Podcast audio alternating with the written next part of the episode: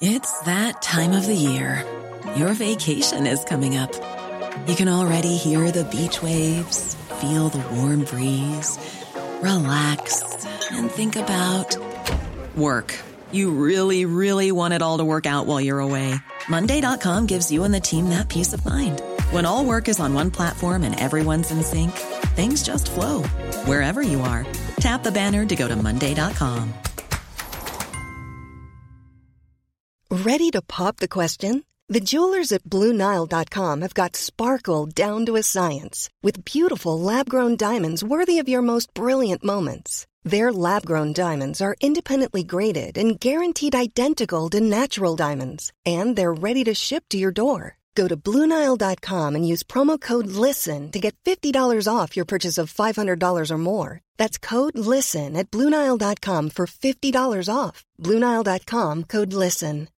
Millions of people have lost weight with personalized plans from Noom, like Evan, who can't stand salads and still lost 50 pounds. Salads, generally, for most people, are the easy button, right? For me, that wasn't an option. I never really was a salad guy. That's just not who I am. But Noom worked for me. Get your personalized plan today at Noom.com. Real Noom user compensated to provide their story. In four weeks, the typical Noom user can expect to lose one to two pounds per week. Individual results may vary. Palmemordet Sommarpanelen 2020 Sveriges statsminister Olof Palme är död. 90 000. Ja, det är mord på Sveavägen. Hörde de säger att det är Palme som är skjuten. Mordvapnet med säkerhet är en Smith Wesson, en revolver kaliber .357. Inte ett svar. Finns inte ett svar. Polisen söker en man i 35 till 40-årsåldern med mörkt hår och lång mörk rock. Välkommen till podden Palmemordet som idag görs av mig, Tobias Henriksson, tillsammans med er lyssnare. För idag är det nämligen dags att prata med ytterligare några av er som lyssnar på oss, efter att vi fick bra respons på förra avsnittet efter lösningen. Vi kommer prata lite om lösningen, vi kommer prata en del om podden, men också om eh, teorier och lite spekulationer. Och vi har två personer med oss som medverkat i podden tidigare, men också några nya röster. Jag säger välkommen till Ida Wallin som medverkade i förra panelen, David Lynning som eh, tidigare gjort intervjuer som sänds i podden. Vi har också med oss Anders Bjurefors, Henrik Andersson och Tobias Einarsson.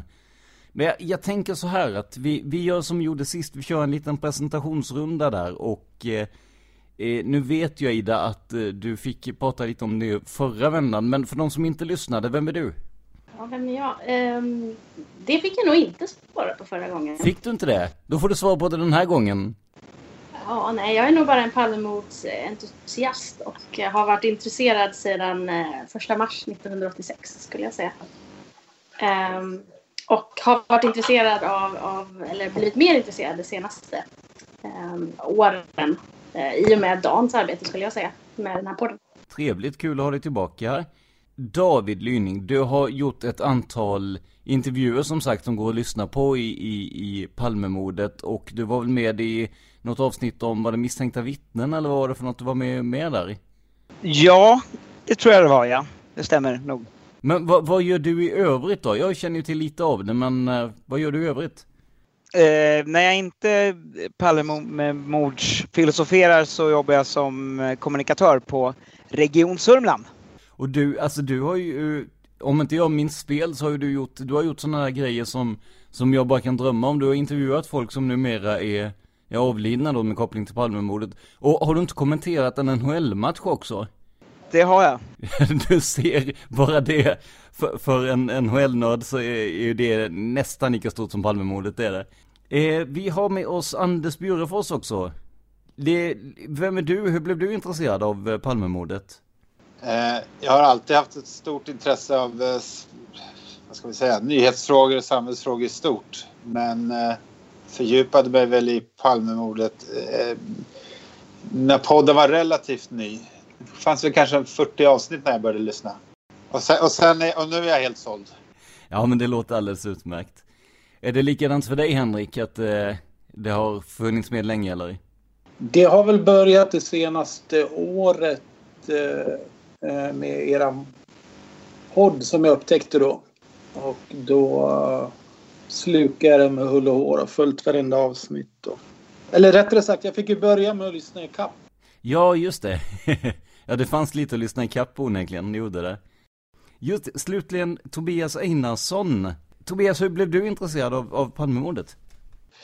Eh, det var några år sedan. Då såg jag en dokumentär på tv om Palmemordet och eh, blev väldigt intresserad av det. Och sen så upptäckte jag podden, eh, jag tror det var för ett och ett halvt år sedan. Så fick jag lyssna igen lite grann där för att komma ikapp alla intressanta avsnitt. Jag tänkte vi, vi skulle börja här i en ände som har just med lösningen att göra. I, I förra panelavsnittet pratade vi en del om lösningen som presenterades av Christer Petersson och eh, vi kan väl säga att panelen var väl inte jätteimponerade av, av eh, själva presskonferensen och slutsatserna här. Och sen har ju jag då pratat med eh, Stefan Omosara, jag har pratat med Gunnar Wall och med Jan Stocklassa. Och då har vi fått lite kritik för att vi bara haft intervjuer med folk som har varit kritiska mot den här lösningen då. Men så är det ju så här att Alltså, Thomas Pettersson till exempel har lovat att ställa upp men han kan i slutet av augusti. Lars Larsson som skrev en bok om ehm, eh, Skandiamannen har vi kontakt med också, hoppas få med honom också. Men jag bara tänkte här panelen att Hjälp mig här nu, alltså vilken eller vilka uppgifter talar mest för att Stig verkligen var Palmes mördare så att vi får lite, får lite perspektiv på det? Finns det några sådana uppgifter som ni tycker talar lite extra för att Stig Engström var Palmes mördare? Ida börjar vi med. Jag tror ju inte att Stig är Palmes mördare. Men eh, om man nu ändå ska försöka att få till honom som gärningsman så är det väl det att han har ju väldigt mycket detaljuppgifter som han lämnar eh, till media bland annat efter mordet. Som känns eh, en del av dem kanske man kan fundera på, hur, hur kunde han veta just det där? Men sen, ja, nej, jag tror fortfarande inte på Stig som gärningsman. Nej, nej. David, har, kan du hjälpa oss här och få någonting som talar för Stig som Palmes mördare? Ja, jag är nog lite uh, team Ida här faktiskt. Jag, jag har också väldigt svårt att se och uh, det enda man kan säga som talar för honom till skillnad från andra spår så, så har han bevisligen varit där i alla fall. Det, det, kan man ge honom. Ja, precis. Och det är ju någonting vi inte lyckats uppnå med, med alla misstänkta minst sagt, utan eh, nej, absolut. Det är ju ett spår där det faktiskt går att knyta en person som har varit på platsen. Det, det är det enda jag kan säga. Ja, precis. Anders, vad känner du då? Finns det några uppgifter som du tycker talar mer för att Stig verkligen var Palmes mördare? Alltså jag utgår ifrån att inte utesluta någonting men det känns väldigt långsökt att det skulle vara Stig. Eh, jag tycker till och med hans detaljuppgifter går att hitta förklaringar på. Just det här att han var på, att han var på platsen och såg det han såg och så vidare. Ja men det är må alltså många av eh, förespråkarna för, för Stig är, är, pratar ju bland annat om att han har identifierat eh, Jeppson. Eller han har lämnat en rimlig beskrivning som är lik Jeppson. Mm. Men eh, om han nu har varit på mordplatsen som vittne i folkmassan, som det blir ändå en viss folkmassa. Jag menar, Jeppson kommer ju tillbaka till mordplatsen runt halv och Skandiamannen kommer till, tillbaka till sitt jobb ungefär kvart i. Så att han kan ju snappat upp hur mycket som helst under den tiden. Absolut. Henrik, finns det någonting, eh, tycker du, som, som kan hjälpa oss att förstå om nu Stig skulle varit Palmes mördare? Ja, jag försöker, jag är väl rätt så... Jag går in för varje spår eh, väldigt mycket och nu har jag tittat mycket på de första stegen som Stig gör där. Och det är ju väldigt konstigt där att han inte ser eh, den här eh, Anders som går bakom. Eh, det tycker jag är jätte, jättemärkligt. Sen är det ju det att eh, med Jeppson där då. Och hans signalement på, ehm, på Bagargatan där. Det är, väl det, det är väl det som jag tycker är starkast. Tobias slutligen. Vad, vad har vi som talar för, för Stig som mördare? Jag har ju först och främst lite svårt att se honom som ensam gärningsman men eh, det man kan tänka sig det är ju att han stämplar ju ut strax innan mordet och det talar ju för att han varit på platsen i alla fall. Och eh, det finns ju, om man minns rätt, en kvinna precis när han, eh, ja, mördaren springer upp för flyktvägen som ger ett signalement som skulle kunna stämma överens med honom. Så det kan man kan ju tänka sig att det kanske kan vara ändå. Men det, det jag tänker på nu, för att vi hade ju den här presskonferensen och eh, den har ju, ja, inte hånats, eller ja det också, men den har väl framställts som, eh, ja men lite tafflig och sådär. Tror ni att, att vi har fått reda på det som de hade på Stig? Eller finns det enligt er mening någonting som vi, som vi inte får ta del av? Sitter de på, på bra material som de inte har möjlighet att släppa tror ni? Jag tänker vi kan vända på ordningen här, så börjar vi med Tobias igen. Eh, ja, det jag tänker på i sådana fall, på pressträffen så pratade de om att de hade undersökt om det fanns möjlighet att han skulle kunna tillföra en konspirationsteori då.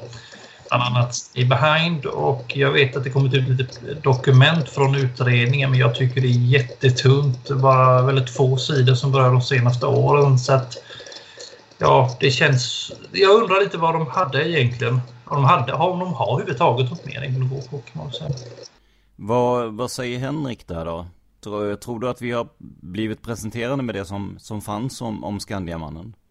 Jag tror att det säkert finns mer vittnesmål från Täby och så vidare. Från grannar. Eh, som eh, stärker honom som gärningsman men att man inte har velat gå, alltså vara med i, i något förhör. Liksom. Man vill inte bli dokumenterad. Mm, ja, just det. Anders, din eh, syn på det här? Jag, jag, jag, jag, jag har svårt att se att de skulle ha någonting mer på Skandiamannen än vad de presenterar. För de måste ju själva insett att det skulle bemötas med rätt mycket kritik. Verkligen. Och då borde de ju ha slängt ut mer på bordet om de hade mer. Är det din uppfattning också David?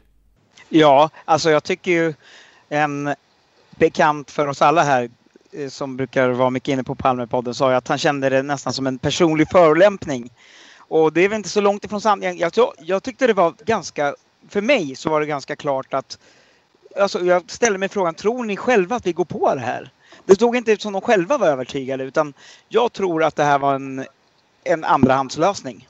Jag tror att de gick igenom det med regeringen eller med andra och att slutsatsen blev antingen för dåligt underbyggd eller för kontroversiell. Så jag tror att det finns mycket mer att hitta. Ja, precis. Så den, den, jag, jag ställde ju den frågan till Christer Petersson i intervjuavsnittet där med de, de här famösa sju minuterna som vi fick med, med, med åklagaren då.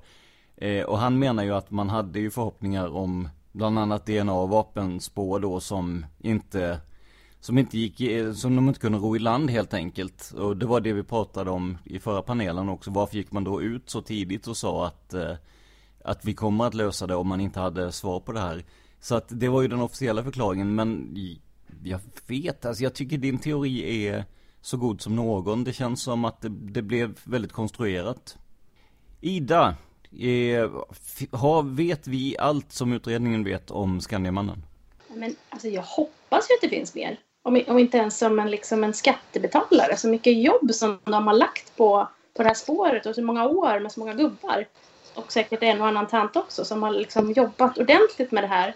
Och egentligen så kunde vi bara ha läst liksom en ganska skönlitterär bok och fått samma liksom, information.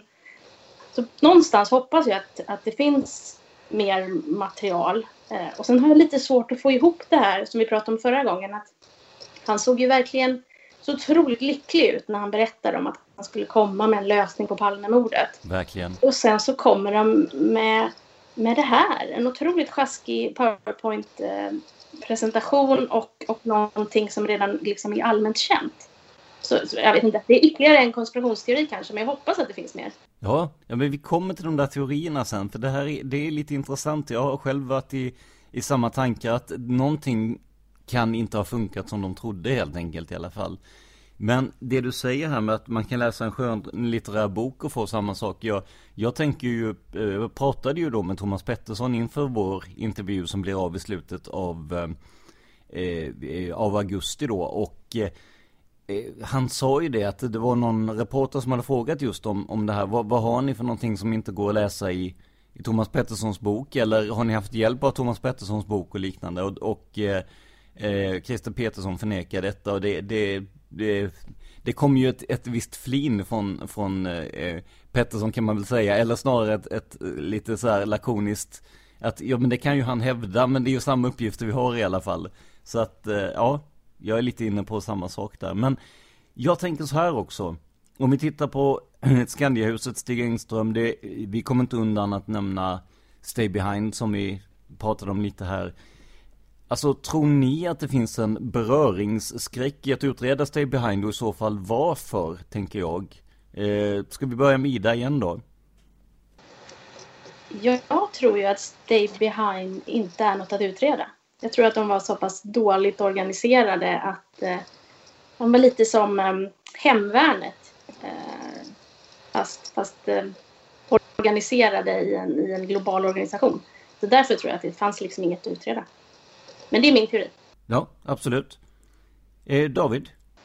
Ja, kan, det kan mycket väl vara så. Jag tror att det finns i alla fall personer som har anknytning till Stay Behind som på något sätt blir väldigt svårt att runda. Det går i alla fall i min värld och bland mina teorier så är det ett par personer som blir väldigt svåra att komma runt och det är liksom där man måste, jag har sagt det tidigare att jag kan köpa Stig Engström som gärningsman men då är det väldigt mycket annat man måste förklara.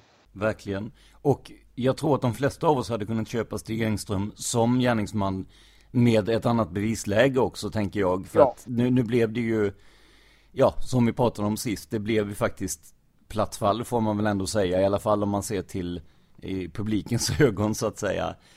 Så att det, nej men absolut.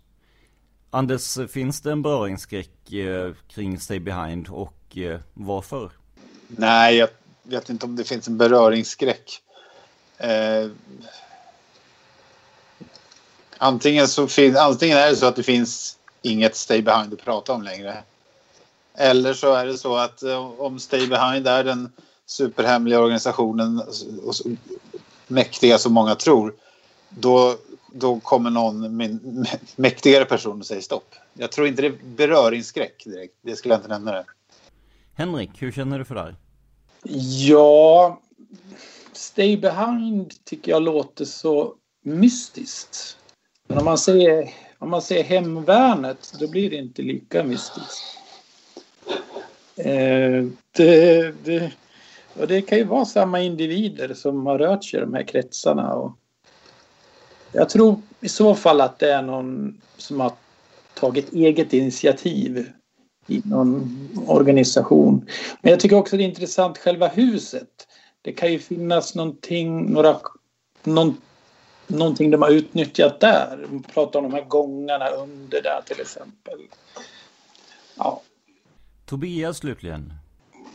Jag tror ju inte det finns någon behörig, jag vet inte, någon skräck för utredare. Jag tror det är mer svårigheterna att eh, gå in i detaljer och titta vad som har hänt i den organisationen i sådana fall. Jag tror det är mer svårigheterna, så att det väldigt få som vet vad de sysslar med. Så. Av samma anledning som det är svårt att gå in och undersöka, vad ska vi säga, must eller eh, marinofficerare eller vad det nu kan vara. Att det är helt enkelt, ja, det finns en eh, säker, större sekretess kring det eller?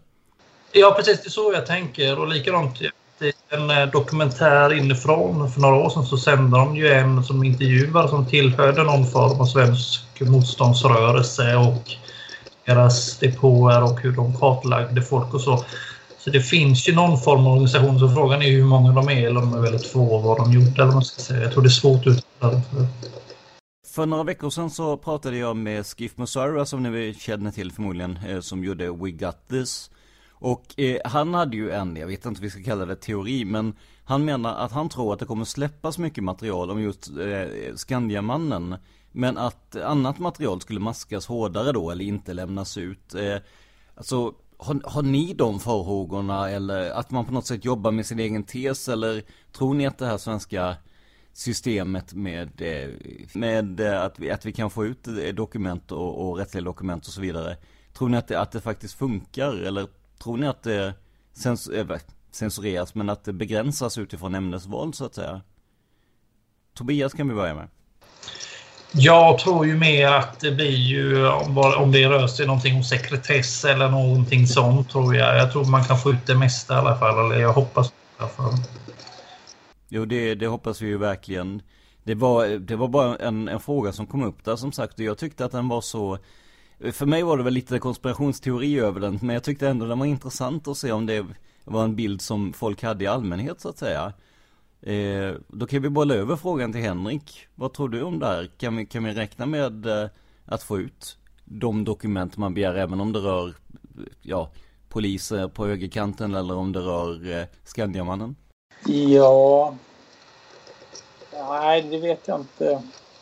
Alltså vapensamlaren, där är jag jätteintresserad av vem det var. Och, eh, där kan det bli svårt kanske eftersom det finns ju en dotter där, det kanske är känsligt. Jag vet inte. När det gäller, ja, när det gäller annat.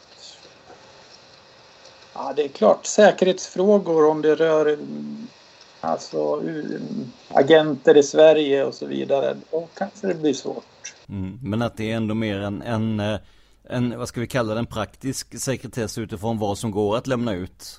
Mer än att man att man kanske är lite gladare för att lämna ut det som rör Skandiamannen då helt enkelt. Ja, det tror jag. Ja. Anders? Ja, jag har läst en del av de nysläppta maskade dokumenten. Eh, utgångspunkten ska ju vara namn, platser och andra personuppgifter. Men ibland i vissa dokument så är det betydligt fler som är överstruket. Men då kan det också vara delvis för att de kommer in på ett ämne som är sekretessbelagt av andra orsaker. Eh, jag vet att det har kommit in en överklagan men, på vissa dokument men jag är skeptisk till att det kommer ge något. Eh, däremot gällande spår. Eh, du, nämnde, om, om, du nämnde till exempel poliser på högerkanten. majoriteten av exempelvis bokstavspoliserna har ju kommit undan otroligt enkelt gällande antal och längd av förhör de flesta av dem har ju, har ju kort förhör där de har redogjort för att de varit hemma eller inte varit på platsen och vad de gjorde på dagen och så vidare. Och sen är det inte mer än så. Och då är det inte så mycket att maska heller. Det är liksom det är bara att maska bort namnen, för det ger ingenting. Det, det finns ingen info där ändå. Vad säger du David, som du jobbar ju ändå med, med kommunikation och sånt här. Den svenska offentlighetsprincipen i det här fallet, kan vi... Gäller den lika oavsett vad vi begär ut tror du? Jag tror, min farhåga är inte att huruvida det kommer att vara mycket maskat eller inte utan jag är mer orolig för alla de papper som lär ha försvunnit under tiden. Frågan är, finns det dokument som har förstörts helt enkelt? Eller inte kommit, ja, som har kommit bort. Eller förstörts eller hur man nu ser det. Där tror jag det är de far, farhågor jag har. Precis. För att det är ju ett svar som, som eh, i alla fall en del har fått, som vi har pratat med i podden, att eh, materialet kan inte återfinnas eller materialet eh, ja, finns inte i handlingarna och så vidare.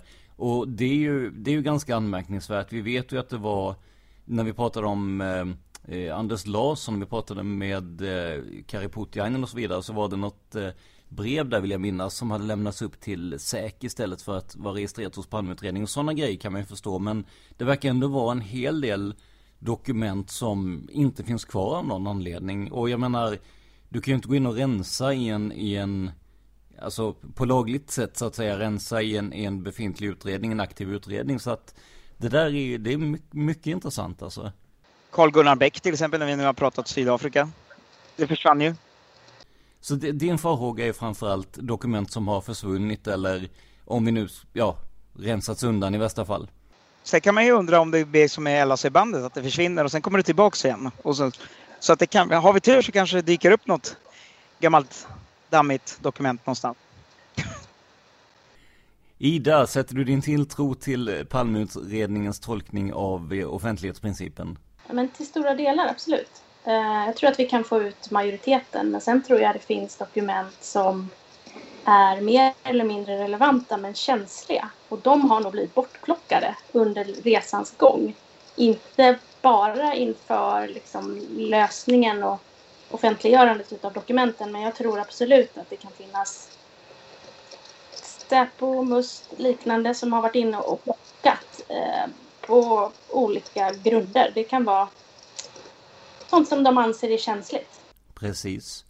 Jag fick ju en idé för ett tag sedan, nu är det ju jag tycker, jag gör inte mycket annat än att jobba antingen med, med mitt vanliga jobb eller med mitt lite ovanligare jobb och prata om folk som kan ha mördat Palme då. Men min tanke var att kolla de här 15 pärmarna som vi fick ut från um, Anders Leopold som i sin tur fick det från Börje Wingren. Och sen kolla hur mycket av det materialet som återfinns i utredningen så att säga. För det här har ju kommit det, det kom ju till Börje Wingren på, vad ska vi säga, allt annat än offentlighetsprincipens vägar om vi säger så. så att, eh, ja det hade varit ganska intressant egentligen, för då ser vi att om, säg att, att 5% av det som finns i pärmarna inte återfinns i materialet eller inte kan lämnas ut, då vet man ju ungefär vad man har för, eh, vad man kan ha för förhoppningar helt enkelt.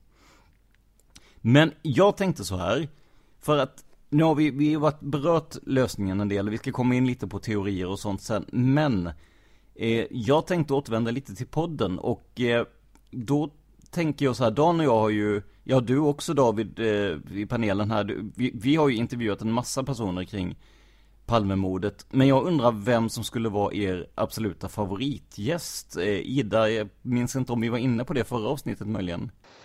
Måste den vara levande? Eh, nej.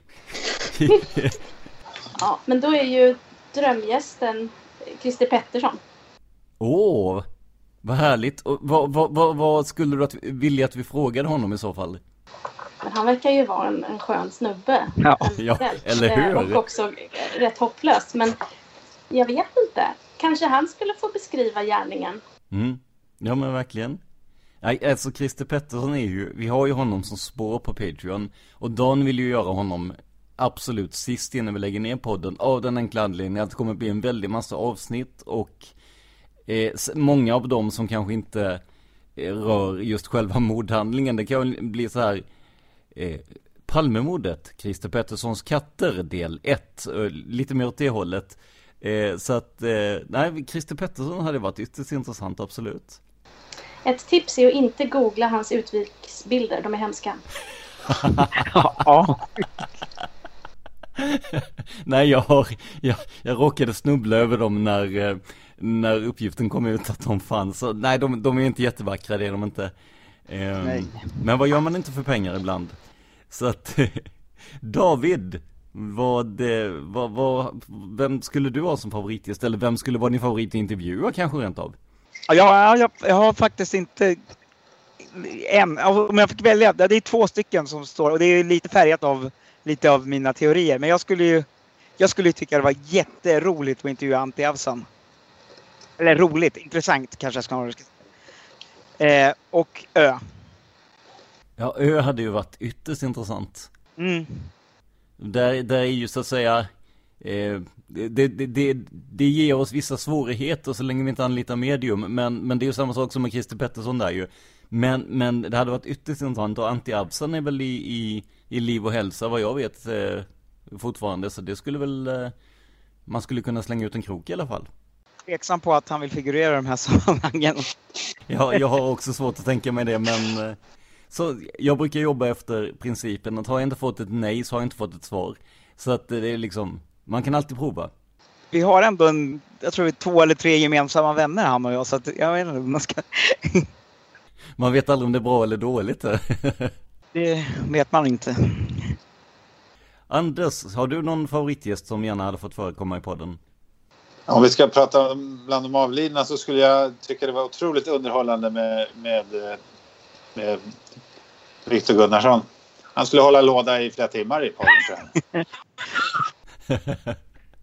ja, vi pratade om det Dan och jag att, att eh, för vi har ju också pratat om det här med gäster och alltså vi hade kunnat göra vi hade kunnat sätta en, en en, en ett på hörlurar på Viktor Gunnarsson och sen tryckt på play eller på record så hade vi haft tio avsnitt utan bekymmer. Ja det hade varit jätteintressant verkligen och jag har ju Ni vet ju det att jag, jag brinner ju lite extra för eh, för det spåret också. Inte för att jag tror på det mer än någonting annat, men han är ju så oerhört intressant person så det hade verkligen varit intressant.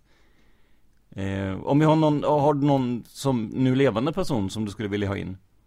Nej, inte någon favorit sådär. Jag skulle nog kunna tänka mig kortare intervjuer med väldigt många. Det behöver inte vara att fylla upp ett helt avsnitt, men eh, det skulle vara intressant då. Det låter ju som ett av dina avsnitt där eh, David. Det är lite kortare intervjuer med. Det blev inte så mycket kortare. Vi hade ju ett avsnitt på bortåt, ja vad kan det ha varit, en och en halv, två timmar tror jag till slut. Det var jätteintressant alltså. Henrik, vad säger du? Någon favoritgäst? Det är svårt, men GV tror jag skulle bli bra. Sen är det någon person, den här Renstam. Jag brukar vara inne och titta på hans programmeringar av vittnen och så. Ja just det, Lennart Renstam där. Han, har, eh, han har, var väl en av de som var först med att lägga ut en del ur förundersökningen och sånt där också. I alla fall en av de första ställen jag snubblade över. Ja, han skulle jag vilja veta mer om. Eller ja, så här, Att han fick berätta lite grann. Tobias slutligen. Har du någon favoritgäst? Det hade varit spännande om Holmér hade varit med tycker jag faktiskt. Det är ju lite svårt. Ja. Men det är rätt intressant i alla fall varför eh, han gjorde som han gjorde under utredningen och sådana saker. Det hade nog varit intressant i sådana fall. Varför han drev PKK och andra sådana. Annars kan jag tänka mig GW Persson hade nog varit intressant i alla fall. Vad hans erfarenheter och vad han tycker om eh, mordet. Vi har ju sträckt ut en hand till eh, Leif GW. Vi har inte, vi har inte fått något svar då. Men Eh, det, det hördes ryktesvägen då att han, han hade väl en, en han, att han gärna tog lite pengar för sina intervjuer och sådär. Jag vet inte om det stämmer men vi fortsätter och, och skriva. Vi har skickat ett, ett brev eh, personligen till honom och så har vi också mejlat hans företag. Så att jag hoppas att eh, ja, vi kan få lite, lite ordning på det. För det hade ju varit riktigt kul. Alltså han är, han, han är ju vad ska vi säga, han är väl på andra sidan av, av rättssystemet men han är ändå någon slags Christer Pettersson. Han vågar säga vad han tycker och han, han är liksom, ja men han är framåt och sådär. Så det vore en alldeles utmärkt gäst. Så det hoppas vi verkligen på. Eh, men sen, sen är det ju så här också, om vi fortsätter lite på poddspåret. Vi har ju gjort, ja vad är det nu, 240 avsnitt måste det väl bli snart här. Och alltså jag förstår om om alla av er inte har lyssnat på alla avsnitt givetvis, men finns det något, något avsnitt ni fastnat lite extra för? Antingen ett enskilt avsnitt eller ett, ett så att säga avsnitt med flera avsnitt, om ni förstår hur jag menar. Eh, vi gör som innan, vi vänder på, på listan här så börjar vi med Tobias igen. Ja, jag tycker polisspåret är ju väldigt intressant och särskilt eh, Polisman Ö tycker jag är väldigt intressant att lyssna just på dem, tycker jag. Så de har jag nog faktiskt lyssnat på några gånger i alla fall. För det är intressant vad, vad eh, han verkligen gjorde och inte gjorde, ska säga. Det finns många frågetecken. Ja men så är det ju verkligen. Och nu har vi ju nu, vi fick ju, det var, det var lite roligt här för att vi, vi, vi hade ju ett Patreon-mål då, ni vet att man kan gå in och sponsra podden och när vi kommer upp i vissa summor så gör vi vissa spår och så kommer vi upp till polisspåret och där någonstans så började det dippa lite för då hade vi kommit upp till polisspåret så tänkte folk att nu, nu, nu kör vi på för fullt här. Eh, men eh, för att vi skulle kunna lägga de resurserna på research och liknande så behövde vi hålla oss på en viss nivå på Patreon och där är vi nästan nu igen så det kommer att bli mycket polisspår i, jag skulle tippa höst, vinter i alla fall. Så att det är, alla som gillar polisspåret kommer ha mycket att lyssna på helt enkelt. Henrik, har du något, eh, något avsnitt eller någon, något sjok i podden som har varit extra intressant tycker du? Jag tycker det var väldigt eh, roligt när de fick träffa varann och prata nu, Wall och eh, Thomas. Ja, precis ja. Det gav någonting mer. Ökade liksom kvaliteten eller vad man ska säga. Nej, men det var liksom, det var jätte, jättebra. Annars alla avsnitt av Skandiamannen kollar jag, lyssnar jag igenom nu. Eh, om vi tänker polisspåret, då tycker jag avsnitten om den här buss 43 tyckte jag var intressant. Buss 43 är ju, det börjar väl eh, ganska sansat men sen så blev det ju, började väl fransa ut i kanterna om jag inte minns det spåret helt fel. Det är lite som, eh, var det Polisman L också som hade någon sån här väldigt lång förklaring om en, en eh, först någon jakt och sen en fylleresa ner till Danmark och vad det var. Det, det, det är ytterst intressant eh, som story i, i alla fall. Men Buss 43 togs väl från början på, på fullaste allvar vad jag förstod. För det var väl Lars Krantz uppslag, eller har jag fel nu? Ja, det stämmer. Nej, det stämmer, precis. When you're ready to pop the question, the last thing you want to do is second guess the ring. At Bluenile.com, you can design a one of a kind ring with the ease and convenience of shopping online. Choose your diamond and setting. When you find the one, you'll get it delivered right to your door. Go to Bluenile.com and use promo code LISTEN to get $50 off your purchase of $500 or more. That's code LISTEN at Bluenile.com for $50 off your purchase. Bluenile.com code LISTEN. Hiring for your small business? If you're not looking for professionals on LinkedIn, you're looking in the wrong place. That's like looking for your car keys in a fish tank. LinkedIn helps you hire professionals you can't find anywhere else, even those who aren't actively searching for a new job but might be open to the perfect role. In a given month, over 70% of LinkedIn users don't even visit other leading job sites. So start looking in the right place. With LinkedIn, you can hire professionals like a professional. Post your free job on linkedin.com slash people today. Normally, being a little extra might be a bit much, but not when it comes to healthcare. That's why United Healthcare's Health Protector Guard fixed indemnity insurance plans, underwritten by Golden Rule Insurance Company, supplement your primary plan so you manage out of pocket costs. Learn more at uh1.com. Nu ska vi se, då ska vi till Anders va? Eh, har du något avsnitt i podden du har fastnat extra för? Eh, här får du lite beröm. Jag gillade ju maratonförhören med Viktor Gunnarsson. Vad trevligt. Vad trevligt. det ja, men det var riktigt. Sen är det, han är, det, delvis också innehållet och för att han är en märklig prick. Eh, jag gillar ju det som är lite märkligt. Jag gillar ju också Polismans Els eh, fylleresa genom land och rike. Den är ju helt... O, även om den kanske inte har allt med mordet att göra så är den ju helt orimligt eh, intressant ändå. Jo men verkligen och att sätta samman det till någon form av manus eller bok då och eh, ge olika personer fingerade namn och, och alltså det, det, det, det, var en, det var en upplevelse som jag tror eh, jag tror vi kommer få uppleva en del sånt när vi kommer in på Christer Pettersson sen igen för då har vi också det här med, med, med mycket märkliga händelser och personer ju. Så att... mm. eh, men så gillar jag också faktiskt de här panelavsnitten.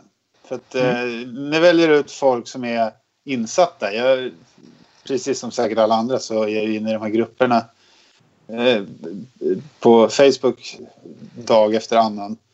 Och det, där är ju inte alla lika insatta och det, man får ju vara där ändå men det blir ju väldigt mycket att filtrera. Ja, jo men verkligen. Så är det. Eh, jag hade faktiskt en fråga om det sen. Eh, men den tar vi när vi kommer dit. Eh, nu ska vi se, David förutom dina egna avsnitt kanske ligger lite extra varmt om hjärtat, men, men i övrigt? Alltså jag tycker ju alla avsnitt, eftersom jag som intresserad så lyssnar jag ju på alla med stor glädje. Det som jag tycker är, som är väldigt bra rent i, i utbildningsmässigt så är de här mytmosarna gillar jag.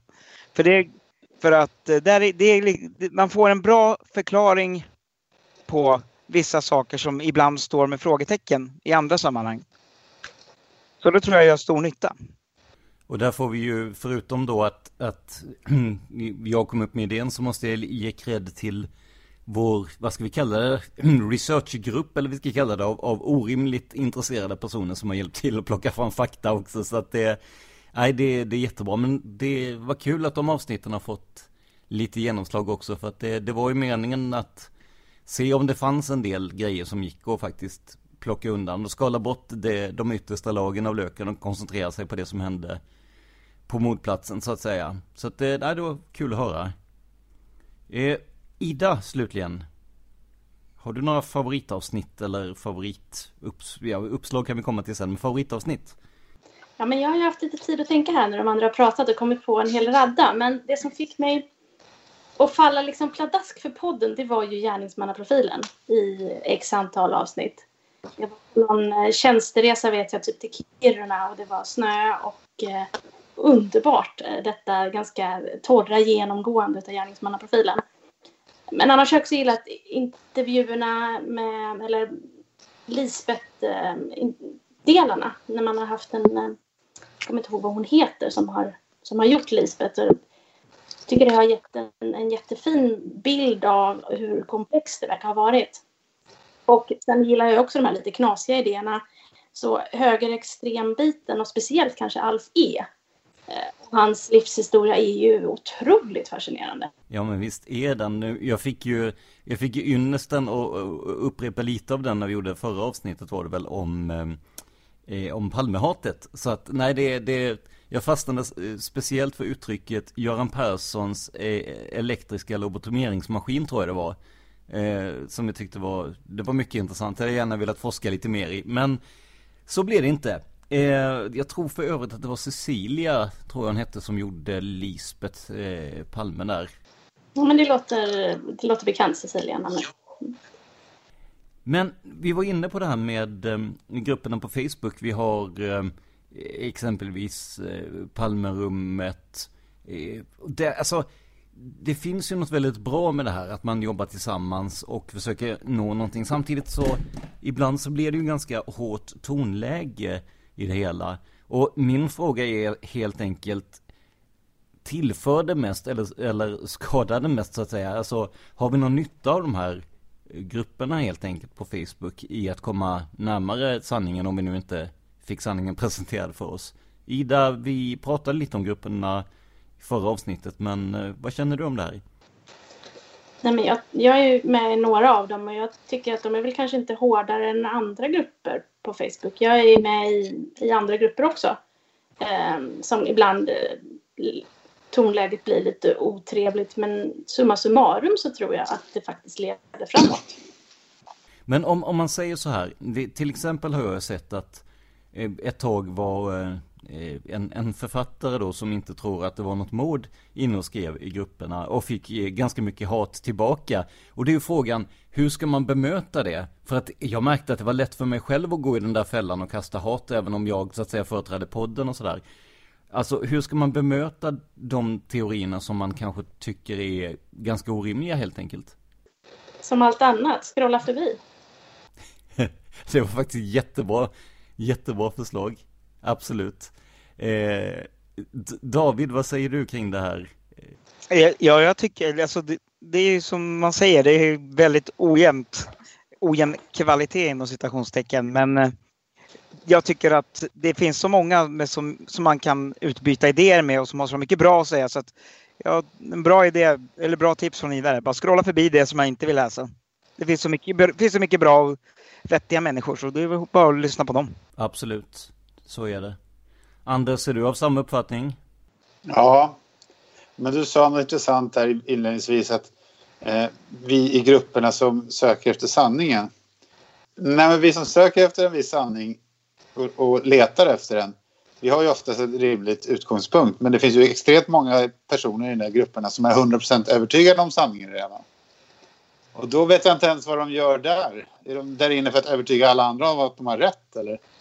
Eh, jag hävdar ju, jag, försöker, jag utesluter ingenting. Jag hävdar att jag, jag vet ingenting förrän det är helt jävla överbevisat. Att det är på det sättet. Och det är det som gör hela, hela utredningen så, och hela grejen så intressant. Att det är så otroligt brett.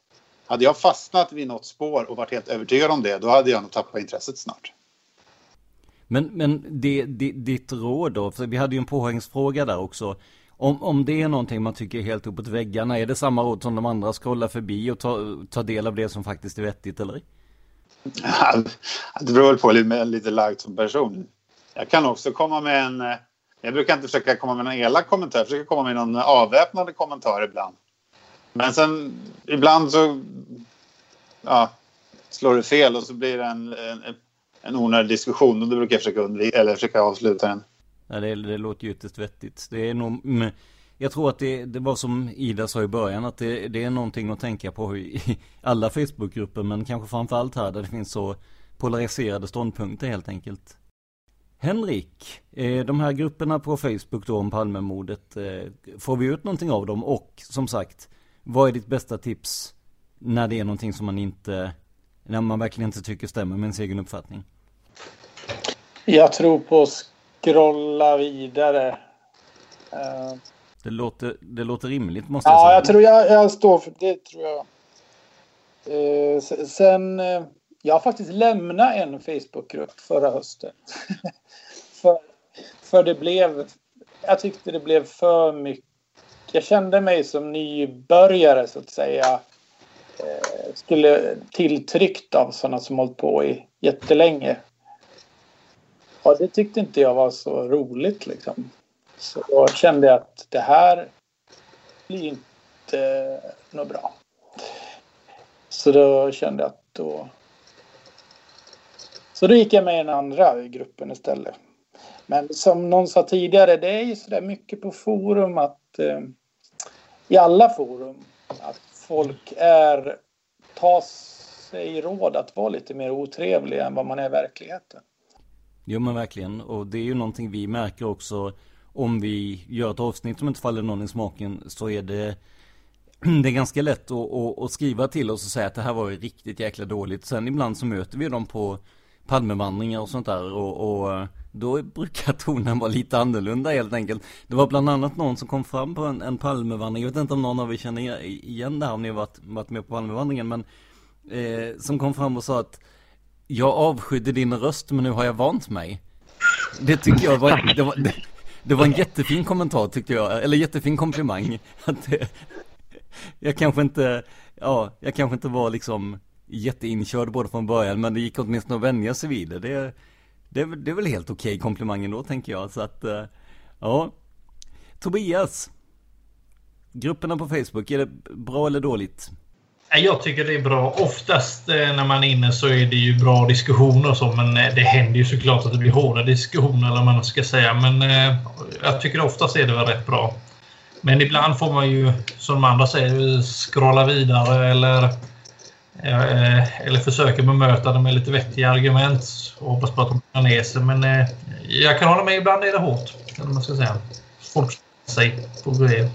Jag tror ju att en del av det är också att man har så olika ingångsvärden både i vad man tror på och hur mycket kunskap man, man sitter på helt enkelt. Och då blir det ju säkert lätt för de gamla rävarna som har varit med sen, sen starten kanske att ja men inte medvetet trycka ner någon men kanske bli lite extra hårdare om, om någon kommer in och frågar men var det inte Christer Pettersson i alla fall? För det, jag menar Lisbeth pekade ut honom. Men det är problemet är att de ställer inte frågan så utan de säger att det, de, de, de, de skriver ju oftast att det är uppenbart att det är bla bla bla för att bla bla bla.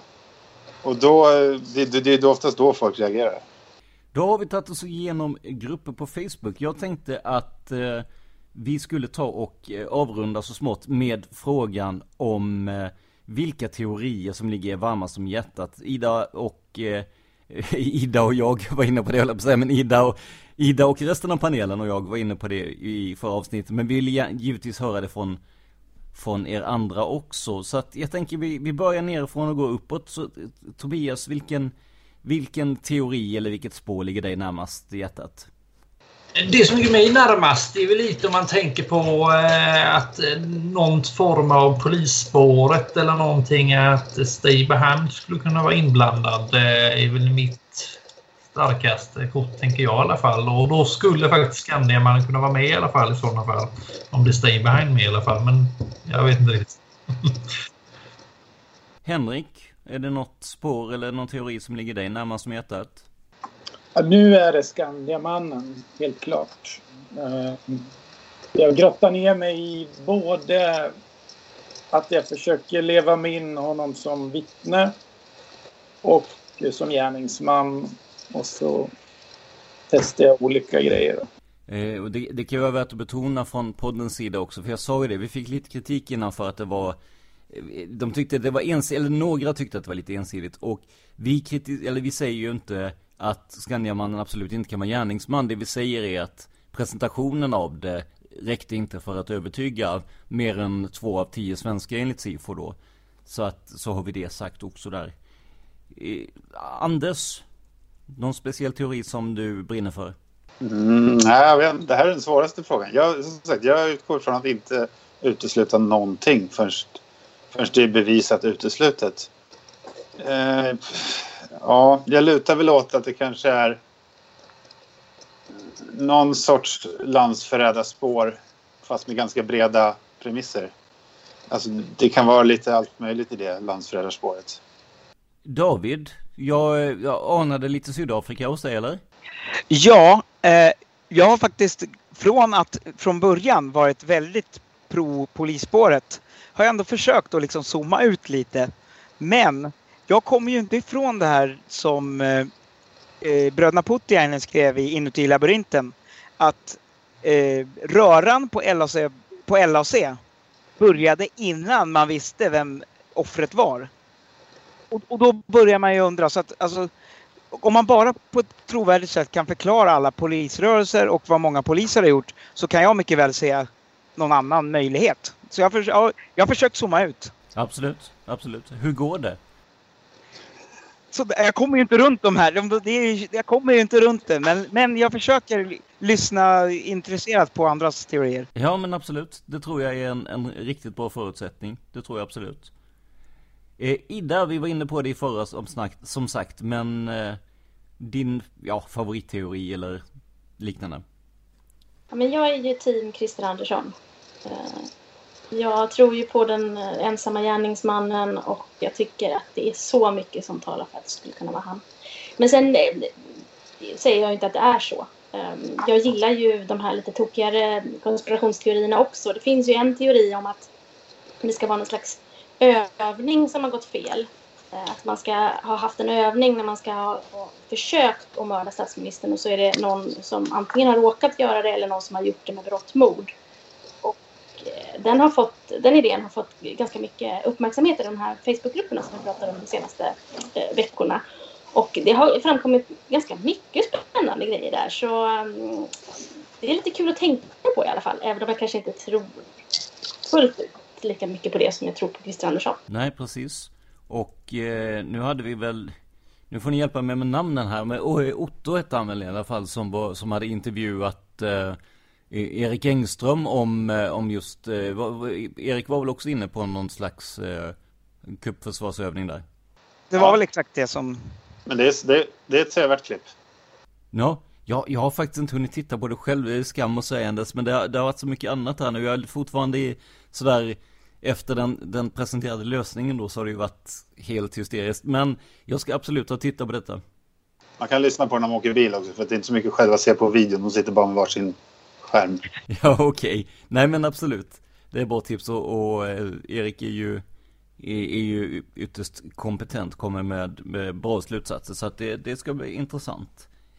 Jag tänkte att vi avslutar det här som jag brukar avsluta eh, mina intervjuer och det är för att jag tror inte att jag är liksom den som kommer på alla de bästa frågorna och allting utan jag frågar helt enkelt er, är det någonting som ni vill tillägga?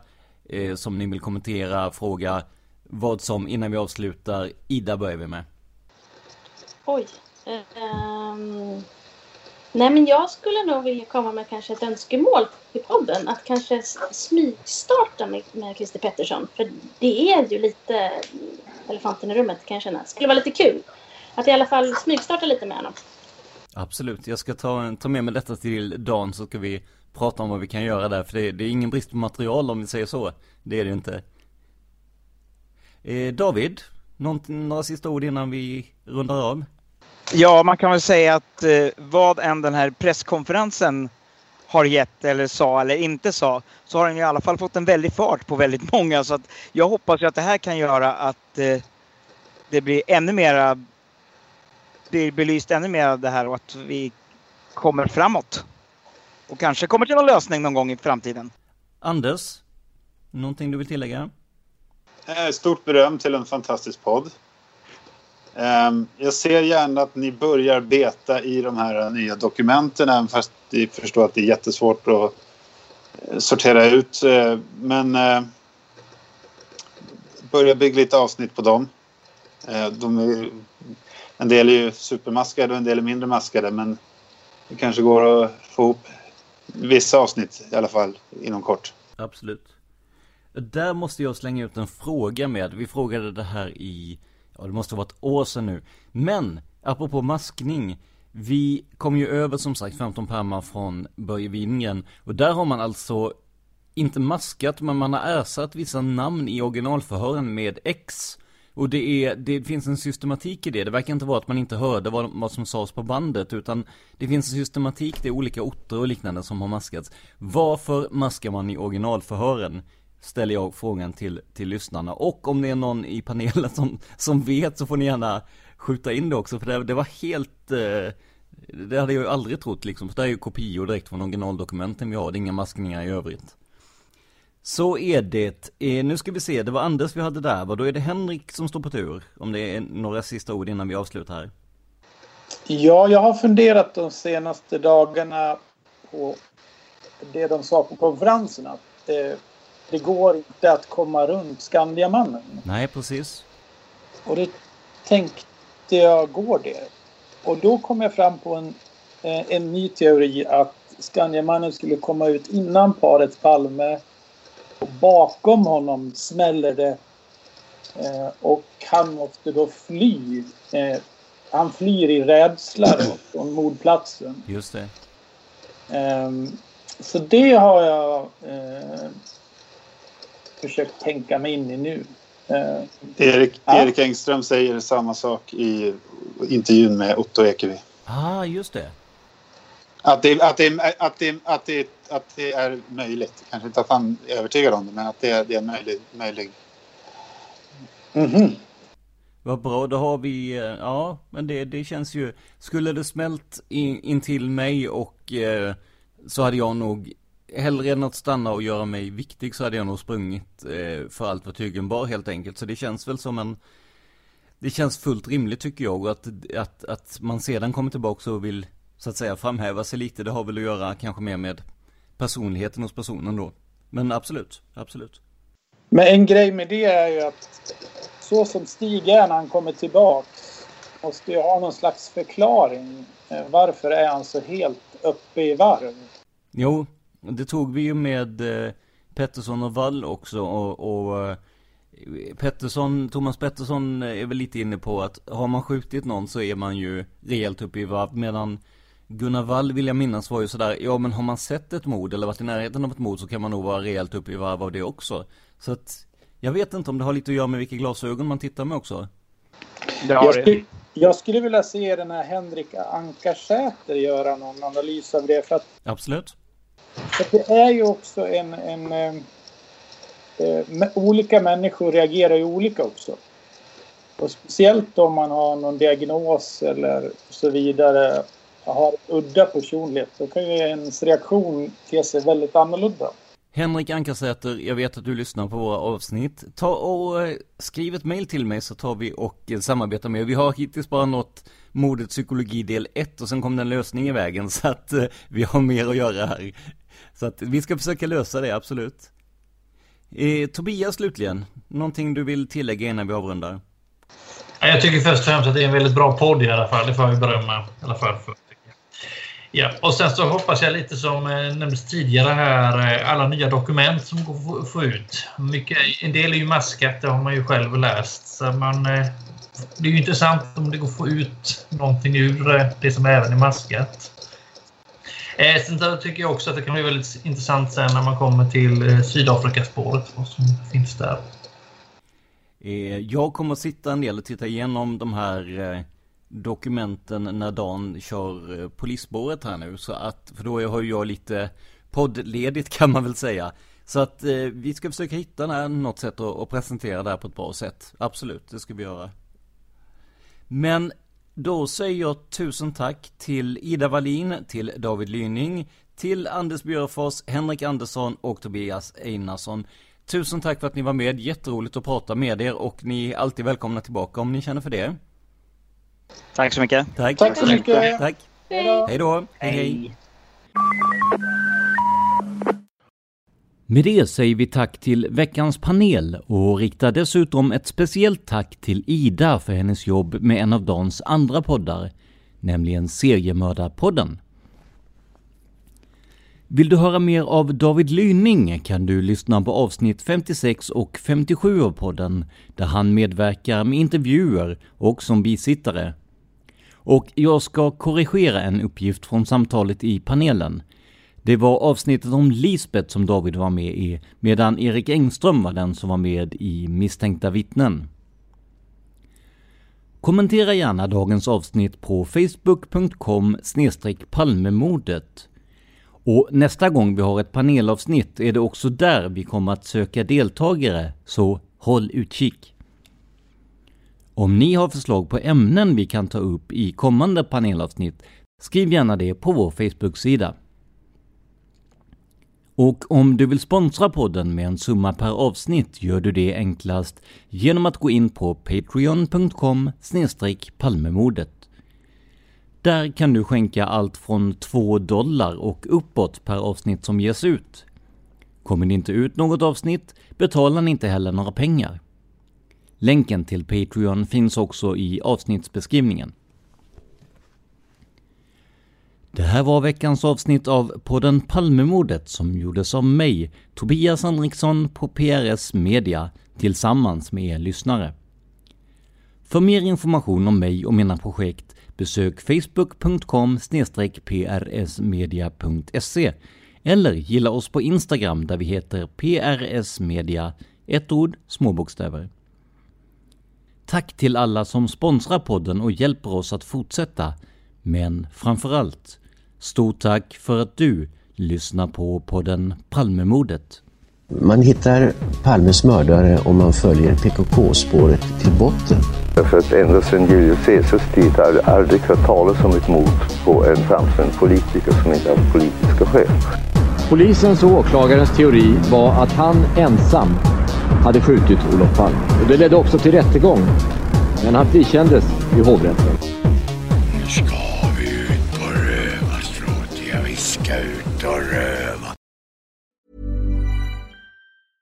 Want flexibility? Take yoga. Want flexibility with your health insurance? Check out United Healthcare Insurance Plans. Underwritten by Golden Rule Insurance Company, they offer flexible, budget friendly medical, dental, and vision coverage that may be right for you. More at uh1.com. Imagine the softest sheets you've ever felt. Now imagine them getting even softer over time. That's what you'll feel with Bowl and Branch's organic cotton sheets. In a recent customer survey, 96% replied that Bowl and Branch sheets get softer with every wash. Start getting your best night's sleep in these sheets that get softer and softer for years to come. Try their sheets with a 30-night guarantee. Plus, get 15% off your first order at bowlandbranch.com. Code BUTTERY. Exclusions apply. See site for details. Even when we're on a budget, we still deserve nice things. Quince is a place to scoop up stunning high-end goods for 50 to 80% less than similar brands. They have buttery soft cashmere sweaters starting at $50, luxurious Italian leather bags, and so much more. Plus, Quince only works with factories that use safe, ethical, and responsible manufacturing. Get the high-end goods you'll love without the high price tag with Quince. Go to quince.com/style for free shipping and 365-day returns.